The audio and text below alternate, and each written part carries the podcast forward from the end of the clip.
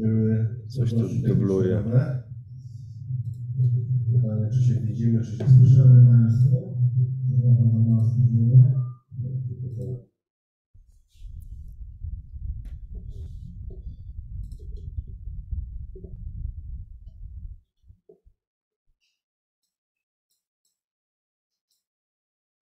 Czy się widzimy, czy się słyszymy? Mam nadzieję, że czy teraz mnie dobrze słychać? E, Przepraszam bardzo, coś tu się komplikacje robi, porobiły jakieś dziwne techniczne. Widać i słychać. Okej, dobrze. No, witam serdecznie Państwa po dłuższej przerwie. E, Wakacje mają swoje prawa, więc jakiś czas nas nie było, zgodnie z zapowiedzią, ale wracamy do cotygodniowych, co czwartkowych spotkań na żywo na tematy międzynarodowe, geopolityczne. Mam nadzieję, że u Państwa w porządku, że wakacje ok, upał do wytrzymania i tak dalej. Dajcie znać ewentualnie w komentarzach, jak tam u Was, czy w porządku. Ja troszkę odpocząłem, ale też pracowałem nad książką, nad innymi rzeczami, więc mam nadzieję, że wynagrodzę Państwu tej nieobecności już wkrótce całkiem nieźle. E, Przechodząc do tematu dzisiejszego spotkania, no to e, niewątpliwie jest jeden główny temat, czyli Prigorzyn, jego śmierć, rzeczywista czy domniemana, prawdziwa czy zmistyfikowana, to jest wydarzenie ostatnich dni, no i też e, e, może nie samo w sobie, ale rzecz, która splata się z bardzo ważnymi procesami ostatnich miesięcy. Ja, szanowni państwo, jestem zwolennikiem od jakiegoś czasu hipotezy, że to była jednak wszystko ustawka. Wiem, że tu zaraz się od- podniosą głosy już takie się podnosiły w mediach społecznościowych moich e, wczoraj i dzisiaj, że to jakieś teorie spiskowe i tak dalej. Mm, No i oczywiście to jest teoria spiskowa, ale sam fakt, że coś jest teorią spiskową, nie dyskredytuje tego czegoś, ponieważ spiski w historii zdarzały się wielokrotnie. Teorie spiskowe miewają zastosowanie. Jakkolwiek, e, oczywiście, żyjemy w czasach rozpowszechnienia dużej ilości bardzo dziwnych, często kuriozalnych teorii spiskowych, ale to nie znaczy, że każda jest taka. Ja początkowo też sądziłem, że ten pu- pucz był autentyczny, ale z czasem coraz mniej mi się to kleiło i e, no muszę przyznać, że straciłem wiarę w to, że to może być rzeczywiście tak. I pokrótce wyjaśnię Państwu dlaczego, a do samej śmierci Prigorzyna na końcu przejdę. Znaczy tak, e, ani przebieg tego puczu, ani to, co się działo po tym puczu, czy tak zwanym puczu, mm, moim zdaniem nie jest spójny i nie jest e, wiarygodny. Po pierwsze, jak to jest możliwe, że Jewgeni Prigorzyn przez całe tygodnie rzucał wprost wyzwanie, obsztorcowywał, obsztorcowywał publicznie czołowe postaci rosyjskiego państwa, nie spotkała go za to ani żadna kara, ani nawet jakaś zwiększona obserwacja, która uniemożliwiłaby mu potem zajęcie z łatwością milionowego miasta, miasta w Rosji, kluczowego zresztą dla frontu ukraińskiego, a potem marsz na Moskwę. No i jedyna odpowiedź, jak to jest możliwe, jest taka, że miał jakieś potężne wsparcie w e, strukturach władzy w Rosji. Potężne wsparcie w armii, w służbach, e, w innych miejscach. Wsparcie, które umożliwiłoby zaszachowanie Władimira Putina, jeśli to nie było wsparcie samego Putina, oczywiście. Dalej, jak to było możliwe, że e, Prigorzyn nie niepokojony zajął, zajął sobie milionowe miasto, a potem ruszył na Moskwę? W sytuacji y, y, dużej zależności od y, logistyki, w sytuacji, w której tak olbrzymie przestrzenie umożliwiają zrobienie tysiąc kontrakcji przeciwko takiemu marszowi, czemuś tak zuchwałemu, tak niebywałemu w historii w ogóle Rosji. Po trzecie, jak to jest możliwe, że Prigorzyn ze swoją grupą pokonał 800 kilometrów w jakiś jeden dzień? Się wydaje nie, nie do zrobienia z tego co wie się o logistyce wojskowej. Mówił o tym ostatnio u mnie generał Leon Komornicki. Jak któryś, ktoś z Państwa zechciałby sięgnąć do ostatniego Pomówmy Realnie, w którym rozmawiam z różnymi osobami, ostatnio z generałem Komornickim. Tak więc no, y, y, wydarzenie po trzykroć niemożliwe. No i za każdym razem odpowiedź brzmi, jak to jest możliwe, y, że to jest możliwe tylko wtedy, jeśli ma znaczące wsparcie w strukturach władzy w Rosji. No i teraz, czy te struktury władzy to struktury kontrolowane przez Władimira Putina, czy niekontrolowane przez Władimira Putina? Jeżeli kontrolowane przez Władimira Putina, to mamy do czynienia z ust- ustawką, z inscenizacją, z maskirowką o określonych celach dezinformacyjnych i informacyjnych. Jeżeli jednak e, to była grupa opozycyjna wobec Putina, czy rzucająca wyzwanie Putinowi, czy cokolwiek w tym rodzaju, no to e, rozwój wydarzeń mm, musiałby w jakiś sposób to dalszy potwierdzić. Ja początkowo sądziłem, że tak rzeczywiście było, że ktoś rzucił wyzwanie Putinowi i że wkrótce poznamy więcej faktów. I staram się śledzić jak najuważniej perturbacje w obrębie obozu władzy w Rosji, śledzić analizy ludzi, którzy wiedzą na ten temat znacznie więcej ode mnie, specjalizując się w tym. I nie zauważyłem nic istotnego, nic e, przez te dwa miesiące, co potwierdzałoby, że rzeczywiście następują jakieś znaczące przetasowania w kierunku osłabienia Putina i ukonstytuowania się jakiegoś nowego układu w obrębie elity władzy w Rosji. Tak Więc to jest kompletnie niespójne, to się nie klei. Natomiast zaczyna być spójne, jeżeli pomyślimy, że to była wszystko maskirowka. Rosjanie mają oczywiście długą tradycję dezinformacji strategicznej, operacyjnej. Wiele jest prac na ten temat. Sam zaczytywałem się kiedyś w Anatolii Ugolicynie, który za daleko poszedł skądinąd e, w teorie spiskowe, ale e, znał je od podszewki z drugiej strony, ponieważ sam pracował w rosyjskich służbach i uciekając, uciekłszy na zachód, potem dema- zdemaskował cały szereg bardzo wysoko postawionych sowieckich agentów. Znał te mechanizmy. Opisywał, jak Rosjanie, e, chcąc, m, chcąc być uważani za mm, słabych, e, mm, są zwykle realnie silni. Chcą być, chcąc być uważani za silnych, są zwykle realnie słabi.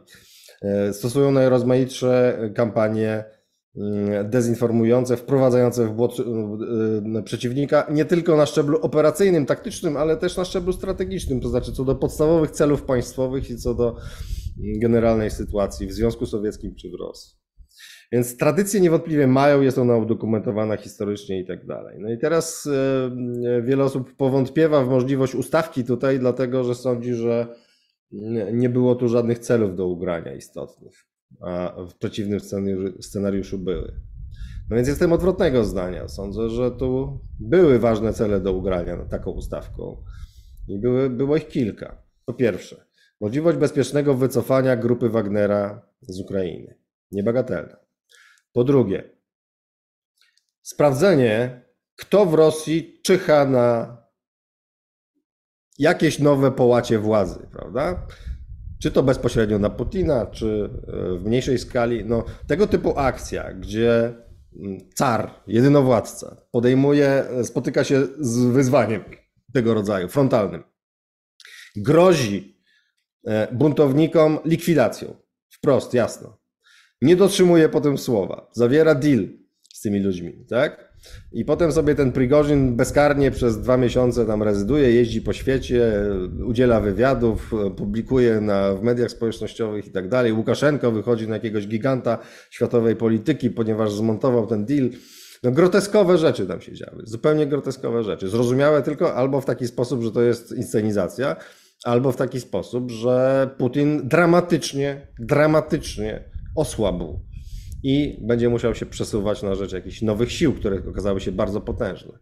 No ale żadnych e, oznak działania tych nowych sił nie mamy, a e, wczorajsze wydarzenie, czyli ogłoszenie śmierci Prigorzyna, kończy ten spektakl, tak? To znaczy, jeżeli dotąd Putin był słaby, bo na gruncie rosyjskiej, rosyjskiego rozumienia władzy okazał fundamentalną słabość, e, nie tylko nie będąc w stanie powstrzymać buntu, ale nie dotrzymując groźby i pozwalając na bezkarność przez tak długi czas. No to wczoraj to się skończyło. Wczoraj bezkarność się skończyła. Żyjemy wszyscy w świadomości, że Prigorzyn nie żyje. Czyli dosięgła go długa ręka Władimira Putina, mściwego cara. Czyli car znowu rządzi realnie na gruncie rosyjskiego rozumienia władzy. Car odzyskał pozycję, car nie pozwala na erozję swojej władzy. No i nic się w międzyczasie nie wydarzyło. To jest niemożliwe, według mojej, w mojej opinii, żeby nic się istotnego nie wydarzyło, gdyby to było znaczące osłabienie władzy Putina, które musiałoby być, gdyby ten bunt był autentyczny. Natomiast jeżeli była to inscenizacja, jeżeli była to maskirowka, no to jak mówiłem, po pierwsze, wycofanie sił. Po drugie, sprawdzenie, kto w Rosji podskakuje. Po trzecie, zbadanie reakcji Zachodu. Nie wiem, czy Państwo zwrócili uwagę, ale w trakcie tych wydarzeń, które działy się dwa miesiące temu, było bardzo wiele zaniepokojonych głosów, y, nie tylko zachodnich analityków i polityków, ale też pewne ważne decyzje polityczne. To znaczy, Amerykanie powiedzieli Ukraińcom: nie wykorzystujcie tej sytuacji, to może być niebezpieczne, nie chcemy tak eskalować, prawda? To jest jedna ważna rzecz. Druga ważna rzecz to jest bardzo dużo głosów wówczas na rzecz tego, że jeżeli rzeczywiście Putin się chwieje, to Rosja może ulec destabilizacji, a my nie chcemy tej destabilizacji. No to drodzy Państwo, tutaj z jednej strony mamy wojnę, tak? Mamy e, wojnę zastępczą ze strony Zachodu i wojnę niezastępczą ze strony Rosji, ale wiadomo, że walczy ona jednocześnie z Ukrainą i z Zachodem. Śmiercionośna broń krąży w obie strony. Stany Zjednoczone mówią o wspieraniu Ukrainy do końca i tak dalej, o wybijaniu Rosji zębów. No to teraz Władimir Putin uzyskuje niezwykle ważne informacje. Stany Zjednoczone, a tym bardziej Europa Zachodnia, wcale nie chcą upadku Rosji, wcale nie chcą destabilizacji Rosji, nawet nie chcą takiej małej destabilizacji w postaci zmiany władzy, bo nie wiadomo, co mogłoby być dalej. Niezwykle cenne informacje dzięki tej dezinformacji, więc zdobył. Dlatego, Szanowni Państwo, uważam, że dużo więcej wskazuje na ustawkę, na maskirowkę, na dezinformację strategiczną w tej sprawie, niż na to, że ten bunt był autentyczny. Bardzo możliwe, że teraz Jewgeni Prigorzin ogląda to wszystko w telewizji, śledzi sobie w mediach społecznościowych i śmieje się z tego wszystkiego na jakiejś rajskiej wyspie czy w innym podobnym miejscu. A możliwe, że został uznany już za niepotrzebnego i autentycznie zlikwidowany. To tak naprawdę nie ma dla nas znaczenia. Mm, chociaż raczej takich ludzi się nagradza, tak dobrych aktorów spełniających swoje role, jeżeli rzeczywiście od początku grał buntownika po to, żeby wykonać określone cele na rzecz Władimira Putina. Mm. Ale możliwe też, że został zlikwidowany, bo był zbyt niebezpieczny, wiedział za dużo i tak dalej. Dla nas mało ważne, ważne jest to, że wbrew fali, nowej fali myślenia życzeniowego, którą y, śledzę w polskiej debacie od wczoraj, że Putin stracił wiarygodność, że teraz się zaczną jakieś wielkie perturbacje na Kremlu i tak dalej, to sytuacja jest dokładnie odwrotna. Putin wzmocnił swoją władzę. Wszelkie spekulacje y, o jego osłabnięciu zostały niniejszym zamknięte. Putin na gruncie rosyjskim pokazał, że jest tym carem, którym był, kontroluje sytuację, dokonuje zemsty na zdrajcach, bo tak, skoro robimy inscenizację, że zdrajca, no to robimy ją do końca. I sprawa jest zamknięta, więc konsolidacja, to jest konsolidacja władzy Putina, wzmocnienie władzy Putina, a nie żadne osłabienie. Wiarygodność pod tytułem, utrata wiarygodności pod tytułem niedotrzymanie dealu z Prigorzynem to jest z całym szacunkiem przenoszenie zachodnich kategorii na rosyjskie realia władzy, w mojej opinii. Tak więc, e, tak to, szanowni państwo, widzę. No i to nie jest jakieś specjalnie optymistyczne, to znaczy, mm, nie jest może pesymistyczne, ale nie jest też optymistyczne. To znaczy, jeżeli liczyliśmy na to, że Putin znacząco osłabł w wyniku tej sytuacji, no to mm, e, wydarzenie wczorajsze falsyfikuje to. Putin jest e, tak mocny, jak był, a może nawet mocniejszy. Zwłaszcza jeżeli to była skutecznie przeprowadzana inscenizacja, to jest mocniejszy niż był, ponieważ dowiedział się ważnych rzeczy, tak czy inaczej się dowiedział, niezależnie czy była to inscenizacja, czy nie. Dowiedział się ważnych rzeczy o Zachodzie, e, o granicach jego zaangażowania na Ukrainie i mm, w powstrzymywanie Rosji. Dowiedział się ważnych rzeczy, kto podskakuje w kraju i kogo trzeba poddać ściślejszej obserwacji albo unieszkodliwić i tak dalej. Tak więc Putin wzmocniony wychodzi z tej sytuacji, a nie w żaden sposób osłabiony. Z tym wszystkim wiąże się, Szanowni Państwo, druga rzecz, o której chciałbym dzisiaj pokrótce Państwu powiedzieć, czyli mm, to, y, o czym nagrałem komentarz y, dzisiaj opublikowany, właściwie taką obszerną, dosyć 30-minutową wideoanalizę czyli żebyśmy przygotowali się na ukraińską porażkę w tej wojnie. To jest jakby kolejny element, bo jeżeli coś mogło wskazywać na to, że Ukraina jednak odniesie zdecydowane zwycięstwo w tej wojnie, czym żyje cała Polska od dawna, prawda? I polski komentariat często uważa, przekonuje nas, że Ukraina wygrywa, czy już wygrała tę wojnę. Jestem innego zdania, jak może Państwo zauważyli. Uważam, że to warto teraz rozwijać i podnosić. No to e, taki czynnik X, jak załamanie systemu władzy w Rosji, mógłby rzeczywiście tej nadziei sprzyjać. E, gdyby Putin upadł, gdyby powstał w Rosji chaos, zimna lub gorąca wojna domowa, e, jakieś walki frakcji i tak dalej, to rzeczywiście można by liczyć, że to pomoże walnie Ukraińcom na froncie. No ale nic takiego w tej chwili nie mamy. Mamy cara równie mocnego albo mocniejszego niż był więc ten czynnik e, póki co przynajmniej odpada. Nawiasem mówiąc, e, sankcje wciąż nie wydają się działać tak dotkliwie, jak liczyliśmy, i ostatnie doniesienia o wzroście gospodarczym Rosji są powyżej oczekiwań i są niezłe. To znaczy, zanosi się na to, że Rosja będzie na plusie w tym roku. Może być na plusie w tym roku gospodarczym, jeżeli chodzi o wzrost PKB. W zeszłym roku była na minusie, ale ten minus też nie był duży. Ona odczuwa oczywiście te sankcje długofalowo i ma coraz większe trudności produkcyjne, przede wszystkim związane z odcięciem od półprzewodników i tak dalej. Mm, ale to nie jest to samo, co jakieś radykalne załamanie. Nic takiego nie widać wciąż na horyzoncie. No ale przede wszystkim sytuacja na froncie i cała jej otoczka wojskowo-strategiczna wskazuje nam, w mojej opinii, że po pierwsze, nie Ukraińcy, tylko Rosjanie mają przewagę w tej wojnie, jak dotąd. Można oczywiście dokonywać różnych e, mm, ćwiczeń gimnastycznych, intelektualnych i e, erystycznych i dowodzić na przykład, że ponieważ Ukraina, co jest wielokrotnie robione w naszej debacie, że ponieważ Ukraina obroniła swoją niepodległość, to już wygrała. E, tylko, że niepodległość Ukrainy w ogóle nie była celem Rosji w tej wojnie. Nie ma na to żadnych dowodów, żadnych przesłanek po temu, w mojej opinii. Celem było, owszem, rzucenie Ukrainy na kolana. Owszem, przebudowa duża bezpieczeństw, porządku bezpieczeństwa w Europie. I w tym sensie Rosja przegrała, ale to jest przegrana na poziomie nierealizacji celów maksimum. Cel minimum, czyli e, uniemożliwienie Ukrainie albo radykalne utrudnienie drogi na zachód, osłabienie jej jako siły militarnej, jako gospodarki jest wciąż absolutnie w grze. I dzisiaj to Rosja jest w głębi terytorium ukraińskiego, nieodwrotnie.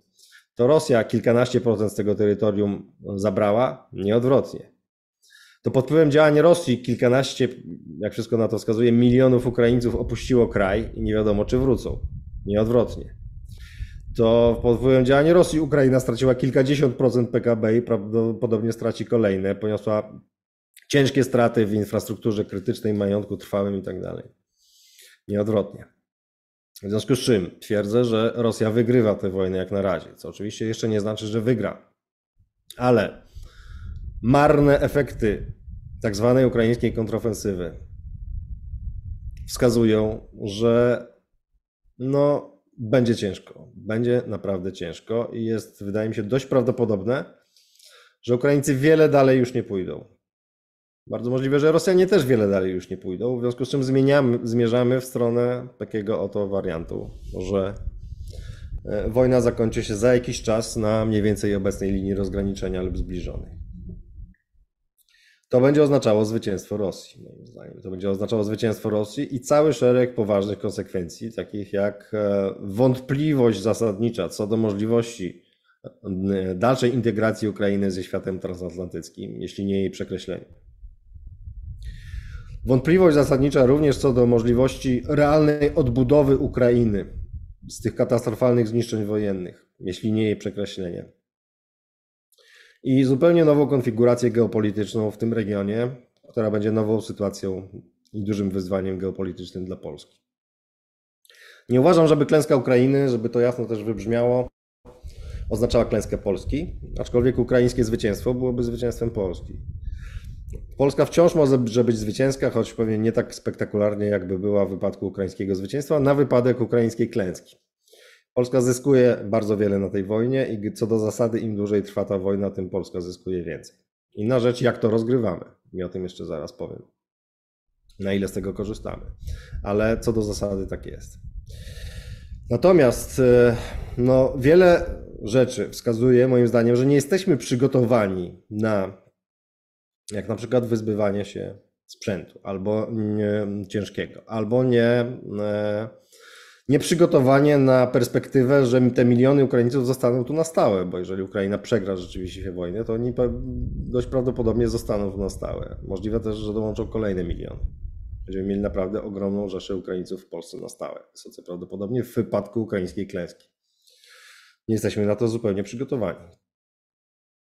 Więc e, hurra e, optymizm, który zaplanował w polskiej debacie, jak się wydaje, udzielił się też politykom i nie powoduje przygotowań na taki scenariusz. I to ja apeluję o to, żeby to zmienić, ponieważ Polska powinna być gotowa na każdy scenariusz. Oczywiście walczmy o scenariusze optymistyczne, ale bądźmy gotowi także na scenariusze mniej optymistyczne, nawet negatywne.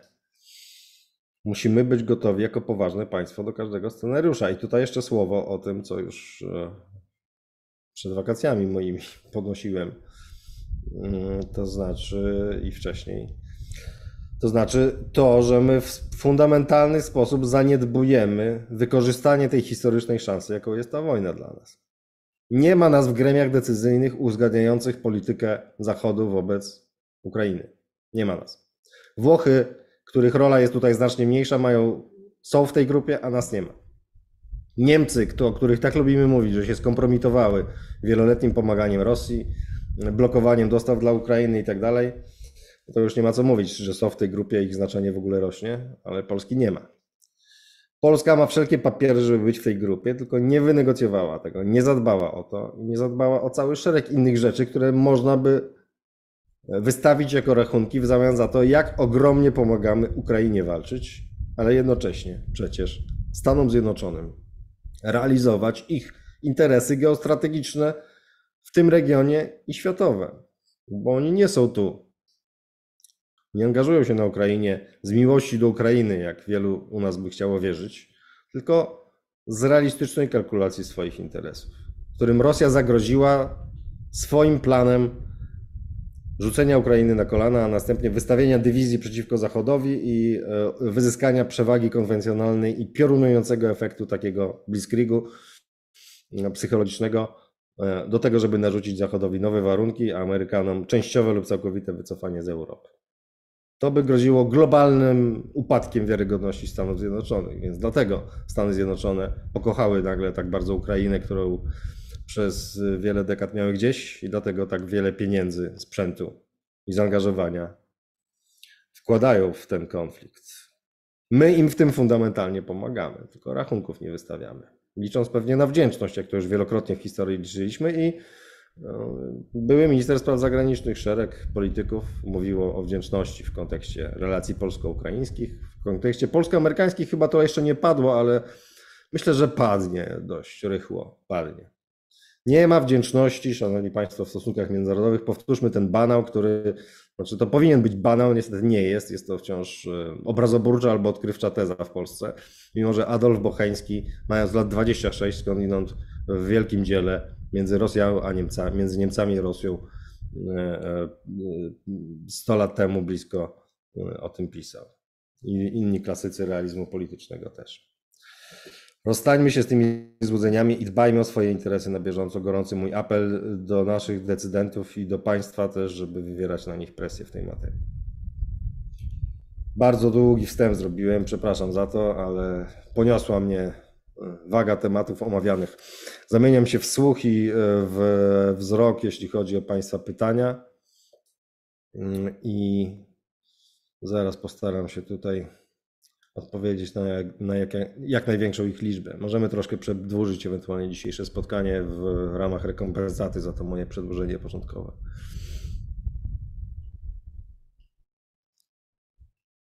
Szkoda, że w Polsce nie ma kary za zdradę ojczyzny. No, jakieś tam niby są, ale za słabe. Zgadzam się, że za słabe. Pan Kup Polan pyta, jakie mam refleksje odnośnie Estonii po pobycie w tym państwie. E, dziękuję. No pierwszy raz byłem, muszę się przyznać, tym razem w Estonii. Byłem, bywałem już w krajach bałtyckich, ale w Estonii mm, e, nie, znaczy byłem w, na Litwie bywałem, w Estonii, Łotwie byłem pierwszy raz i na Łotwie. Estonia jest uroczym bardzo krajem, zielonym, fajnym, bardzo silne wpływy skandynawskie, ale też e, taki środkowoeuropejski klimat, estetyczna architektura, taki specyficzny ciężar historii czuć, gdzie kombinacja strategicznego położenia z no małą skalą jednak powoduje, że mm, powoduje, że jest, jest tak właśnie specyficznie, jest taki unikatowy klimat. No skądinąd z, i z Estonii, i z Łotwy, z Litwy to w najmniejszym stopniu taka refleksja też, e, zresztą no już z wielu też mm, wypraw, że mm, że bez potęgi, drodzy Państwo, nie ma imponujących zabytków. Estonia czy Łotwa były zawsze historycznie za małe, za mało potężne, żeby nawet jako powiedzmy coś w rodzaju państw miast, bo miasta również mogą, no, same miasta osiągnąć taką potęgę, żeby mieć jakieś naprawdę imponujące zabytki. Często najbardziej imponujące rzeczy tam są obcej proweniencji. Skądinąd widać to jest takie wielosetletnie przyzwyczajenie do tego, że ci władcy różni się zmieniali, podobał mi się zamek Ragwere, gdzie fajnie, fajnie zrobiony zamek w Estonii, gdzie na północy Estonii, gdzie skądinąd naszych królów się tam wspomina i oddaje im wszelkie honory, ale też wszystkich innych, którzy władali tym zamkiem. Taki przekrój po prostu historycznych postaci. No ale dobrze, wróćmy do naszych tutaj mm, grubych tematów geopolitycznych. E, pan Andy1. Czy to oznacza, że każdy w Rosji może zginąć, Surowikin i inni, a co z tymi lokalnymi politykami w Rosji, którzy się wstrzymali z poparciem Putina w czasie rebelii Prigorzyna? No właśnie, to jest bardzo ciekawa rzecz. Śledziłem również to, co się dzieje z tymi ludźmi. Tam e, między innymi Załotow był, Sobianin, cały szereg ich którzy się wstrzymali z aktami takimi, tak, e, zachowaniami pozytywnymi na rzecz e, tego, co deklarował Putin w początkach tak zwanego puczu. Mm, nic się interesującego nie wydarzyło według mnie. Znaczy, nic, co by mm, wskazywało na jakiś gruby konflikt, na, jakieś, na coś poważnego.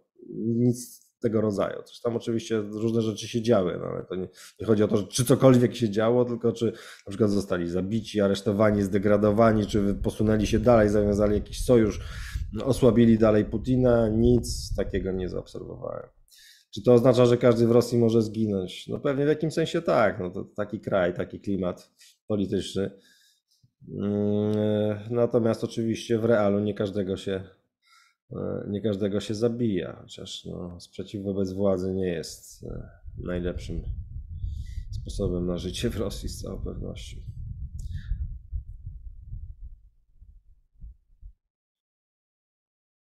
Hmm. Przepraszam, coś mi tu przeskoczyło w tej chwili. Hmm. Rosja straciła połowę zdolności bojowych, więc też wiele traci. No, czy połowę, to mam duże wątpliwości. Nie wydaje mi się, żeby to była aż połowa, ale sporo straciła, bez dwóch zdań. Tylko pytanie brzmi, e, jak głębokie są to straty i jak długotrwałe są to straty, prawda? Jeżeli chodzi o straty ludzkie, to one wydają się na tyle małe, szczerze mówiąc, to zabrzmi może brutalnie, ale wydają się na tyle małe, że są stosunkowo łatwe do uzupełnienia, mimo że ludzie są zawsze największym dobrem danego kraju życie ludzkie w Rosji nigdy nie było wysoko cenione skądinąd. A to, jak e, przeprowadzono zarówno mobilizację, rekrutację, jak i potem działania wojenne, często nosiło znamiona czystki etnicznej, to znaczy używania tych różnych mniejszości etnicznych do tego, żeby pełnili tam funkcję mięsa armatniego. Natomiast Rosja niewątpliwie straciła sporo i zajmie jej czas odbudowanie tego, tylko że Początkowe różne optymistyczne prognozy mówiły o tym, że 10, nawet 15 lat może to trwać. Z biegiem czasu coraz większy rozgłos zyskują dużo mniej optymistyczne prognozy co do czasu odbudowy Rosji z tych strat. E, ostatnio e, na przykład Andrew Michta w Pomów realnie niedawno mówił o trzech latach, prawda? Bałtowie niedawno oszacowali na dwa lata, to już chyba najbardziej pesymistyczny szacunek. Ja ostrożnie bym szacował, że tak właśnie 2 mm, do 5 lat to jest ten czas, który możemy mieć. Natomiast no, pamiętajmy jednocześnie, że często jest tak, że na koniec wojen państwa mają więcej broni różnego typu niż na początku wojen, w wyniku tego, że gospodarka jest przedstawiana na tory wojenne, następuje jej militaryzacja i masowa produkcja. Coś takiego miało miejsce w Rosji w ostatnim czasie, więc Rosjanie dzisiaj masowo produkują amunicję czołgi i inny sprzęt, mm, który niekoniecznie jest najwyższej jakości i często jest niskiej jakości, mm, zwłaszcza wobec problemu odcięcia od zachodnich komponentów, ale jest. ale jest i z tą rozpędzoną machiną wojenną Rosji jeszcze i Ukraińcy niewątpliwie mają cały czas problem. Jeszcze my możemy mieć nie tak e, daleko w czasie problem.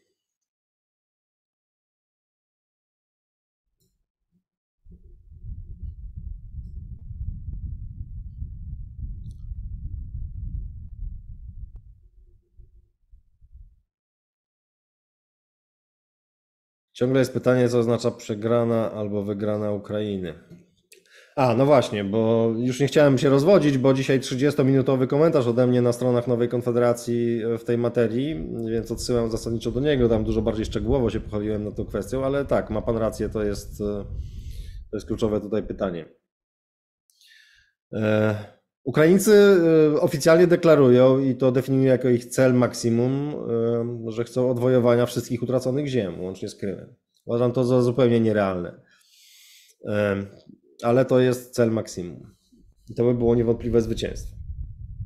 Pokonanie Rosji w taki sposób, że musiałaby się w jakikolwiek sposób wycofać i zaakceptować mm, Ukrainę w NATO, na przykład, Ukrainę w Unii Europejskiej, efektywną odbudowę Ukrainy, silną armię ukraińską i tak dalej. Można by uznać za umiarkowany sukces Ukrainy. Mm, w tym sensie za jakąś formę zwycięstwa, chociaż utrata terytorium, milionów ludzi i tak dalej, jeżeli nie zostanie odkręcona, mm, no to to jest porażka. Na pewno. Więc e, myślę, że mm, szanse na cel maksimum i pełne zwycięstwo takie ukraińskie są w okolicach zera. Szanse na umiarkowany sukces są niewielkie. Szanse na porażkę, tak jak linia rozgraniczenia obecna, są duże. Dlatego e, sądzę, że trzeba się przygotowywać na e, porażkę Ukrainy, ale no skądinąd mogę się mylić, prawda? Zakładam, że mogę się mylić, uwzględniam to, w związku z czym e, mówię też, że nawet jeśli to jest, tak się nie stanie, to może tak się stać. Nie możemy tego wykluczyć na dzień dzisiejszy. Absolutnie nie możemy tego wykluczyć. Szereg osób będzie dowodzić, że mylę się, że dużo bardziej prawdopodobne jest zwycięstwo Ukrainy. Tylko często jak poskrobać, to się okaże, że oni uważają za zwycięstwo już to, że e, Rosjanie nie podbili całej Ukrainy, czego nigdy, nigdy nie próbowali robić. E, ale zostawmy to na bok. Więc ważne jest rzeczywiście definiowanie, co jest zwycięstwem, co jest porażką. Natomiast przede wszystkim ważne są konsekwencje danego obrotu zdarzeń konsekwencje danego obrotu zdarzeń. No i tutaj musimy być przygotowani na każdy scenariusz, więc nawet jeśli ja się mylę i nie nastąpi ta porażka Ukrainy, to bądźmy gotowi i na nią. Bądźmy gotowi i na nią. Zresztą nawiasem mówiąc, jeżeli w wyniku porażki Ukrainy, powiedzmy 5 milionów Ukraińców miałoby znaleźć się na stale w Polsce, a w wyniku zwycięstwa Ukrainy tylko milion lub dwa, no to czy to tworzy zasadniczą w ogóle różnicę dla, te, dla przygotowań, które musimy podjąć? No oczywiście z jednej strony tak, ponieważ to są zupełnie inne skale ludzkie, prawda? E, inaczej trzeba tym zarządzić, inna skala problemów, wiadomo. Ale z drugiej strony elementarne rozwiązania my mamy niegotowe, tak? To znaczy na gruncie obecnych przepisów polskiego prawa. E, ktoś, kto mieszka wystarczająco długo w Polsce, Pobyt, nawiasem mówiąc, tymczasowy pobyt można bardzo łatwo przedłużać. Więc ci wszyscy, którzy twierdzą, że pracownicy tymczasowi nie zostaną na stałe, to po pierwsze mm, zdają się nie znać statystyk tego dotyczących, bo co do zasady właśnie zostają na stale, to specjaliści od demografii wielokrotnie podnoszą. Po drugie, mm, jeżeli jest tak, a jest tak, że e, odpowiednio długi czas, praca w Polsce i tym podobne rzeczy, e, trywialne, uprawniają do uzyskania obywatelstwa polskiego. To za jakiś czas e, z dużym prawdopodobieństwem e, wiele set tysięcy Ukraińców, może miliony, ale też niebagatelne być może ilości Azjatów, Nepalczyków, Turków, innych, których ściągamy do pracy tymczasowej na ogromną skalę w ostatnich latach. Też będą obywatelami Polski. I będą obywatelami Polski, którzy zostali nimi bez żadnych specjalnych wymagań. I będą mogli Mm. Oczywiście daj im Boże zdrowie, ale będą mogli oprócz tego, że żyć tu w Polsce i pracować, będą mogli głosować w wyborach, zakładać partie polityczne, stowarzyszenia, e, współkształtować debatę publiczną i tak dalej. Jak to obywatele? No i teraz pytanie pojawia się, czy my rzeczywiście chcemy, żeby ludność, przed którą nie stawia się żadnych wymagań co do identyfikacji z polskością i z celami polskiego państwa, rzeczywiście była obywatelami Polski. Tak będzie, szanowni państwo, na gruncie zaniechań i błędnych koncepcji poprzednich lat.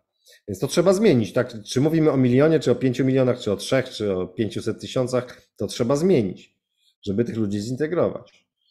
Notabene e, wrażenie z drugiego kraju bałtyckiego e, niedawnych wakacji, czyli Łotwy. Łotysze są mądrzejsi. Mm, Nauczeni doświadczeniem może szczególnym, czyli kontaktem z dużą mniejszością rosyjską u siebie. Oni wprowadzili prawo, że żeby być obywatelem Łotwy, to trzeba zdać określone egzaminy, między innymi z konstytucji i zadeklarować mm, z języka i zadeklarować e, mm, wierność państwu łotewskiemu. Co dla wielu Rosjan było nie do przeskoczenia. Pojawił się fenomen, duży fenomen nieobywateli, pojawił się fenomen e, mm, Rosjan, którzy nie chcieli przyjąć takich kryteriów. No ale my nie stawiamy żadnych wymagań, szanowni państwo, poza wystarczająco długim czasem bycia w Polsce w zasadzie. Więc y, nie jesteśmy tak mądrzy jak Łotysze, a moglibyśmy być. Można by to w, jutro czy za miesiąc po prostu zrobić, y, uchwalić. Tylko no to, to jest poważna sprawa, to wymagałoby dużej debaty narodowej, ale apeluję o nią od lat, jak niektórzy być może z Państwa zauważyli. Więc no nie jesteśmy przygotowani na krótko mówiąc żaden wariant, jeśli chodzi o aspekt imigracyjny. Ale jest to y, więcej. Więc, więcej tutaj oczywiście kwestii.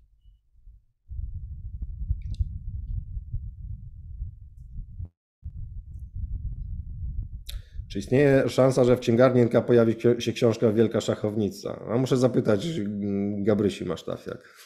Myślę, że jest. E, Coś o Sobianinie było, ale mi... O, no właśnie. E, Nie poparł Putina, ciekawe co z nim będzie, Sobianin. No właśnie, to, to wtedy, tak? Mówimy, wracamy do tamtej kwestii, jak e, Sobianin nie, nie był wśród tych, którzy wydali analogiczne oświadczenia do putinowskiego. No ale nic się nie wydarzyło. Dalej sobie jest.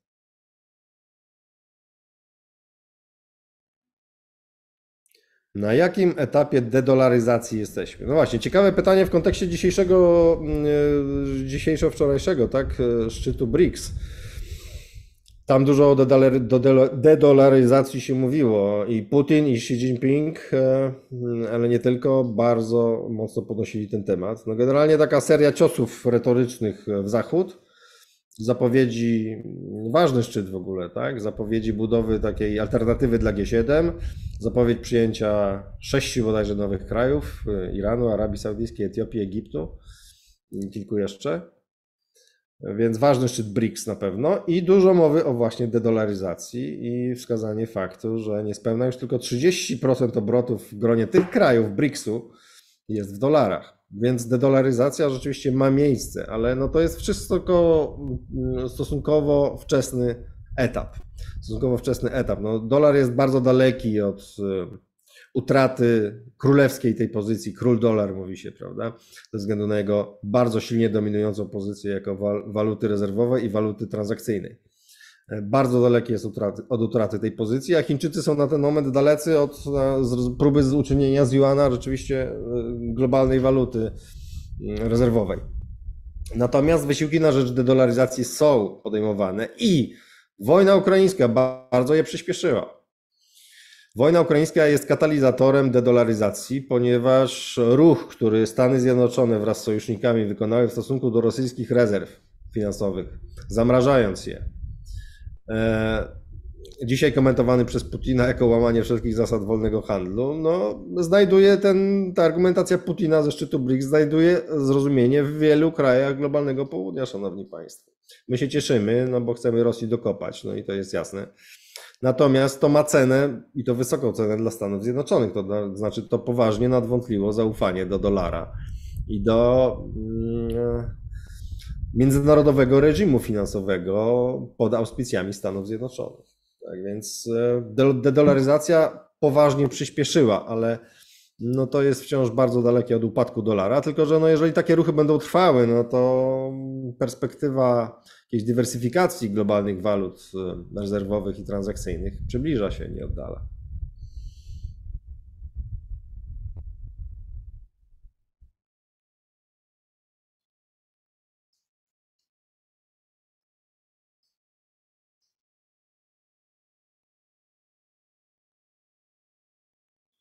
Gdzie jest granica kompromisu obydwu stron? Mówimy o Rosji i Ukrainie. No właśnie, no tu jest problem duży, bo, mm, bo Ukraińcy są nieprzejednani w swoich celach maksimum, prawda? A Rosjanie są póki co nieprzejednani w tym, że chcą co najmniej obecnej linii rozgraniczenia. Rosjanie komunikowali już wielokrotnie, że są gotowi zaakceptować pokój na obecnej linii rozgraniczenia. E, Plus e, szereg warunków typu neutralność Ukrainy, prawda? Więc e, no to jest nie do zaakceptowania dzisiaj ani dla Ukrainy, ani póki co jeszcze dla Zachodu, chociaż to się wkrótce może zmienić, e, na pewno dla Ukrainy. A Ukraińcy sami z siebie, ale też pod presją opinii publicznej, która w miażdżącej większości wciąż domaga się kategorycznie odwojowania wszystkich terytoriów, wszystkich terytoriów i odrzuca jakiekolwiek ustępstwa terytorialne. Czyli to oznacza, że na gruncie wewnątrz ukraińskiej dynamiki politycznej każdy decydent, czy Zełęński, czy ktokolwiek inny, który zaakceptuje zmiany terytorialne, e, grozi mu, mm, że tak powiem, demokratyczny lincz. Mm, Grozi mu polityczny upadek. W związku z czym kwestia jest bardzo trudna, nie tylko z punktu widzenia geostrategii, ale z punktu widzenia też wewnętrznej polityki i nastrojów społecznych.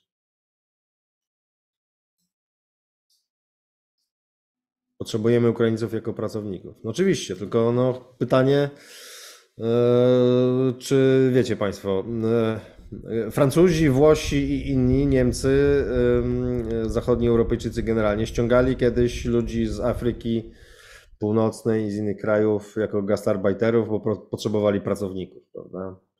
I trochę nie docenili faktu, że z czasem oni staną się na stałe mieszkańcami i obywatelami ich krajów. Nie zadbali o ich, integrację, o to, żeby skłonić ich do jakiegoś wysiłku integracyjnego czy asymilacy- asymilacyjnego. I dzisiaj płacą za to ciężką cenę. Więc to, co, o co mnie chodzi, to żeby Polskę uchronić przed powtarzaniem tego błędu, bo póki co jesteśmy na ścieżce dokładnego powtórzenia. Tylko zdaje się, że przez skalę przebijamy. To znaczy, te, te kraje nie ściągały imigrantów na taką skalę, jak my to robimy. No dobrze, szanowni państwo. Mm, Dzięki za pytania. Ciekawe, czas nas minął. Zgodnie z obietnicą troszkę, mm, e, troszkę dłużej dzisiaj. Mm, A nie, nie, przepraszam, jest 45 po, troszkę się spóźniliśmy, to możemy sobie pozwolić na jeszcze, na jeszcze parę pytań. Przepraszam bardzo. Mm, No dobrze, to co tam jeszcze mamy spośród e, pytań, bo już to mi przeskoczyło. Mm. Czy Indie nie mają za wiele do sprzedania? No widzę, że dyskusja o Indiach. No Indie wyrosły niewątpliwie na bardzo ważne e, państwo i e, niedawne lądowanie na Księżycu, ich sądy też to potwierdza. Indie są w gronie mocarstw, e, zdaniem szeregu analityków. Ja się zgadzam z tymi, którzy twierdzą, że Indie są w gronie mocarstw. Zresztą w mojej książce nowej będzie o tym trochę. E, Także Indie, no i Indie fantastycznie wygrywają wojnę ukraińską, prawda? Z jednej strony są obiektem adoracji Stanów Zjednoczonych i Zachodu, a z drugiej Rosji. Korzystają na tanich surowcach rosyjskich w tej chwili na wielką skalę, bardzo tanie zakupy robią. A z drugiej strony Stany Zjednoczone no dwoją się i troją, żeby przypodobać się tym Indusom na tyle, żeby odegrali większą rolę w ich wysiłkach do powstrzymywania, na rzecz powstrzymywania Chin. E, Ostatnie decyzje po, dotyczące inwestycji półprzewodnikowych i innych w Indiach, e, nowoczesnych silników do odrzutowców i tym podobne rzeczy, no, są ważnymi decyzjami, które dają duże impulsy do wzmocnienia technologicznego, unowocześnienia Indii. I to wszystko dzięki temu, że Indie tak dobrze rozgrywają swoją grę. Bardzo realistyczna polityka premiera Modiego, skądinąd niezwykle popularnego w Indiach i coraz bardziej kończącego, jak się wydaje, z liberalną demokracją na rzecz nieliberalnej, Mm, ale to inna historia. Więc największa demokracja świata trochę jest czymś innym niż jeszcze niedawno, jak się wydaje. Natomiast Indie jest e, ważne państwo, mocarstwo, które świetnie wygrywa ostatni czas, bardzo realistyczną politykę prowadząc, rozgrywając wszystkich dookoła na rzecz swoich interesów. Uczmy się od Indusów, moim zdaniem. Zełański się nie wytłumaczy, jak odda cokolwiek Rosji. No właśnie.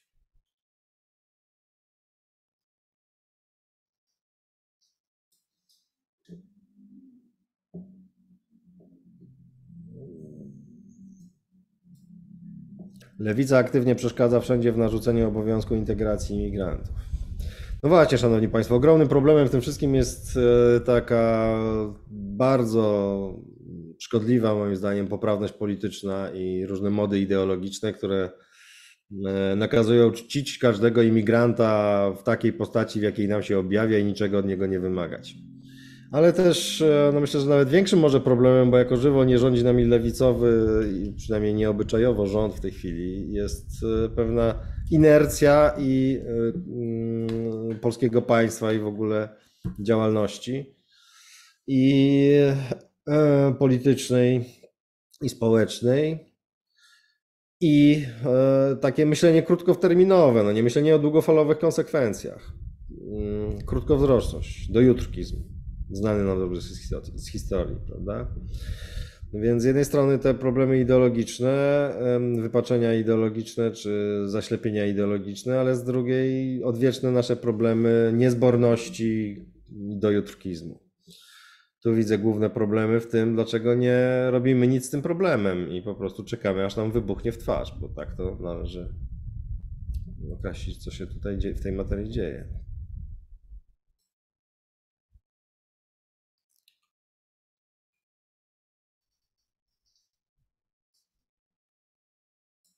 Integracja Ukraińców byłaby. Integracja Ukraińców by była, gdyby nie dostawali socjalizmu, staraliby się zostać Polakami, by go dostać. No, z jednej strony tak, z drugiej strony trudno, jeżeli przyjmuje się ogólne zasady, że komuś należy jakaś pomoc socjalna, to wyłączać z tego określone grupy etniczne, prawda? Natomiast Ukraińcom należy postawić wymagania, no, znajomości języka, znajomości konstytucji, przysięgnięcia wierności państwu. Mm, to jest w ogóle asum do głębszego przemyślenia w ogóle obywatelstwa polskiego i koncepcji narodu polskiego, prawda? Jakim my narodem jesteśmy? Czego my wymagamy od członków naszej wspólnoty narodowej, naszej wspólnoty politycznej? No bo zapanowała taka inercja, że właściwie obywatelem jest się z automatu, nic nie trzeba robić, prawda? No ale to jest na dłuższą metę też strasznie szkodliwe. A zwłaszcza szkodliwe, jeżeli mówimy o masowym napływie imigrantów i tak, tym, że oni się nie, mm, nie integrują. Pan Andy y, D pisze, że obiecał pan godzinę. No nie, nie, nie, przepraszam, nie mówiłem o godzinie, mówiłem, że troszkę przedłużymy, co już się, y, już się wydarzyło. Dobrze, no możemy jeszcze na jedno pytanie sobie y, pozwolić. Indie są ważne jako przeciwwaga Chin. Oczywiście Oczywiście to prawda i dlatego Stany Zjednoczone tak bardzo na nie, o nie zabiegają. Dlatego Indusi mają możliwość tak to pięknie rozgrywać, jak to robią. Indie przeciwko Chinom jednoznacznie byłyby ogromnym zastrzykiem dla amerykańskiej strategii powstrzymywania Chin i dla prób budowania koalicji równoważącej Chiny, ale Indie migają się też od tego. Znaczy one są same zaniepokojone oczywiście wzrostem potęgi i ekspansją Chin ale z drugiej strony mm, nie chcą się angażować w otwartą konfrontację z nimi, boją ze strachu też, tak, z obawy. W związku z czym prowadzą całkiem zresztą politykę brania korzyści na rzecz budowania przeciwwagi w potędze własnej przeciwko Chinom. Bardzo daleko im oczywiście do Chin, no ale cały czas rosną w siłę. Wyprzedziły Chiny pod względem demograficznym, a ostatnio Wielką Brytanię pod względem gospodarczym. Mają broń atomową, chcą mieć więcej E, modernizują armię, chociaż e, do Chin im daleko, nie mówiąc o Stanach Zjednoczonych, mm, latają już też w kosmos, prawda? Tak więc ambitne państwo, o którym jeszcze wielokrotnie usłyszymy. No dobrze, i tym akcentem i uczmy się jeszcze raz, szanowni państwo, realizmu politycznego, którego tak bardzo i to chyba w każdej naszej rozmowie, która schodzi na sprawy krajowe, brak wychodzi, brakuje. Uczmy się realizmu politycznego od Indusów, ale też od innych zręcznych graczy za dziś Państwu bardzo dziękuję i do zobaczenia następny czwartek, również o godzinie 19. Kłaniam się.